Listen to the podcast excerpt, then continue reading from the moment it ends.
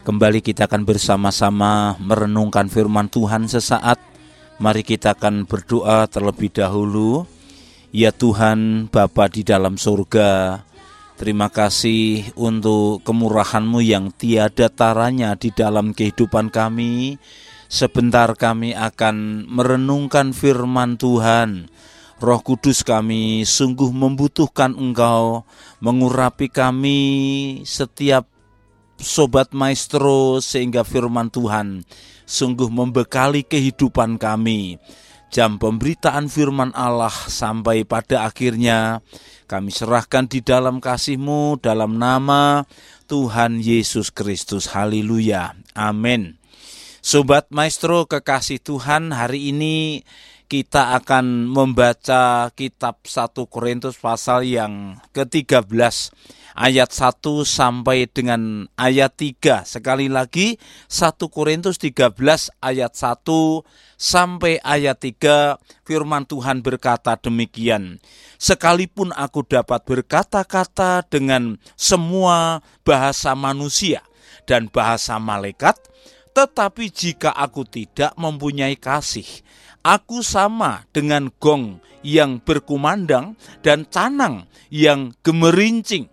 Sekalipun aku mempunyai karunia untuk bernubuat dan aku mengetahui segala rahasia dan memiliki seluruh pengetahuan dan sekalipun aku memiliki iman yang sempurna untuk memindahkan gunung tetapi jika aku tidak mempunyai kasih aku sama sekali tidak berguna. Ayat 3 dan sekalipun aku membagi-bagikan segala sesuatu yang ada padaku bahkan menyerahkan tubuhku untuk dibakar tetapi jika aku tidak mempunyai kasih sedikit pun tidak ada faedahnya bagiku Berbahagialah sobat maestro kekasih Tuhan yang membaca firman, mendengarkan, kemudian menyimpannya di dalam hatinya masing-masing. Sobat maestro yang dikasih oleh Tuhan, ini surat Rasul Paulus yang ditujukan kepada jemaat Korintus. Siapa jemaat Korintus itu?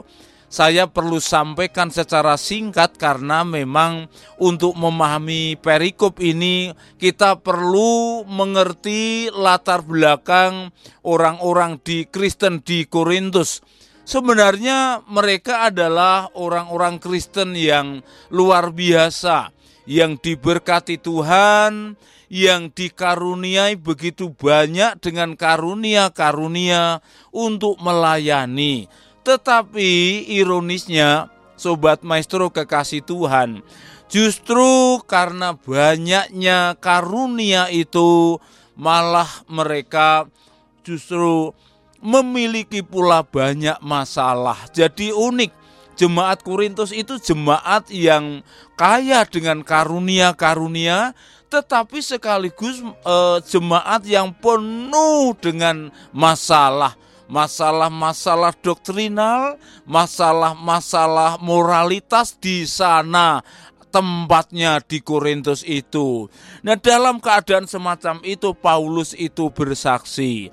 Dalam situasi yang penuh dengan persoalan itu Paulus bercerita tentang dirinya untuk membetulkan masalah-masalah yang terjadi di Korintus maka kesaksian Rasul Paulus dalam 1 Korintus 13 ayat 1 sampai dengan ayat yang ketiga ini sebenarnya kesaksian yang luar biasa. Dan di dalam kesaksiannya itu Rasul Paulus mengutamakan keunggulan kasih. Keunggulan kasih. Kasih itu perasaan sayang. Kasih itu perasaan mencintai kasih itu mengerti perasaan orang lain. Maka itu yang dikumandangkan oleh Rasul Paulus. Dia berkata dengan sejujurnya, sekalipun, sekalipun aku berkata-kata dengan semua bahasa manusia dan malaikat, tetapi jika tidak mempunyai kasih, aku sama dengan gong yang berkumandang dan canang yang gemerincing. Itu artinya apa? Bahwa apa pun yang Tuhan karuniakan kepada kita, kekayaan apa pun, karunia apa pun, kalau tidak ada kasih, maka Paulus menyimpulkan semua sia-sia, semua tidak ada gunanya semua tidak ada faedahnya. Jelas kasih menjadi yang paling unggul dalam kehidupan kita. Sobat maestro yang dikasih oleh Tuhan, mengapa kasih itu menjadi hal yang sangat penting? Ya, karena kasih itu sesuatu yang mutlak. Mutlak itu tidak boleh tidak ada harus ada, harus melekat di dalam kehidupan kita. Maka Rasul Paulus menyampaikan hal ini kepada orang-orang Kristen di Korintus, bukan soal karunia yang banyak, tetapi bagaimana kasih itu melekat di dalam kehidupan kita. Kasih harus kita kejar, kasih harus kita usahakan, kasih harus kita tangkap, kita harus mengejar dan sampai mendapatkan kasih itu di dalam kehidupan kita. Dua ayat berikutnya, Rasul Paulus tetap mengatakan, sekalipun mempunyai karunia untuk bernubuat, tetap Rasul Paulus mengatakan tanpa kasih, tanpa kasih semuanya itu adalah sia-sia. Sobat maestro yang dikasih oleh Tuhan, mari kita mempraktekkan kasih. Sebab kasih itu tidak hanya untuk dibicarakan. Kasih itu bukan teori, kasih itu untuk dilakukan. Salah satu, ini renungan kita yang kedua mengapa kasih itu menjadi yang prioritas, kasih itu unggul, keunggulan di dalam iman Kristen. Kasih itu didefinisikan ayat yang keempat, kalau Sobat Maestro baca itu, kasih itu sabar, satu saja. Sobat Maestro, apa itu kasih? Rasul Paulus menjelaskan kasih itu sabar. Sabar terhadap apa? Maka sebenarnya kata sabar dalam teks asli itu digunakan sabar untuk seseorang atau untuk orang.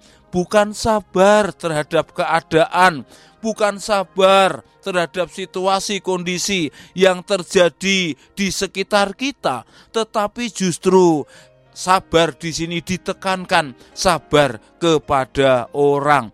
Jika kita bicara orang, bicara sobat, bicara orang-orang yang ada di sekitar kita, maka di situ kita menemukan banyak perbedaan.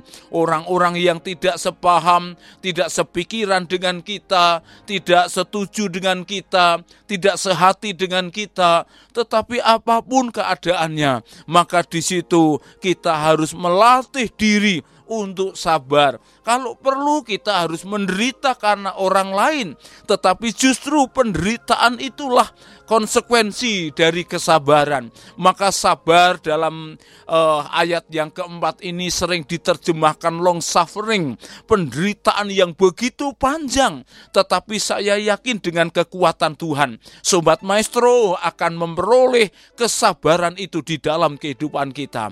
Ingatlah bahwa sabar itu dari Allah, Allah lah yang memberikan kepada kita, Allah lah yang memberikan kemampuan kepada kita, Allah lah yang menyanggup memampukan kita untuk berbuat kasih dan kasih itu adalah sabar. Kiranya Tuhan selalu menolong kita untuk berlaku sabar terhadap siapa pun di dalam kehidupan ini. Tidak ada alasan untuk tidak ada kasih, tidak ada alasan untuk tidak sabar. Sabarlah menghadapi semua orang yang ada di dalam kehidupan kita. Amin. Kita berdoa, Tuhan terima kasih untuk firman-Mu yang telah mengajari kami untuk kami hidup di dalam kasih.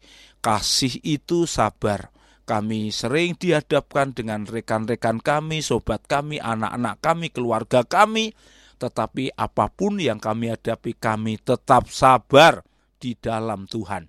Dalam nama Tuhan Yesus Kristus. Haleluya. Amin.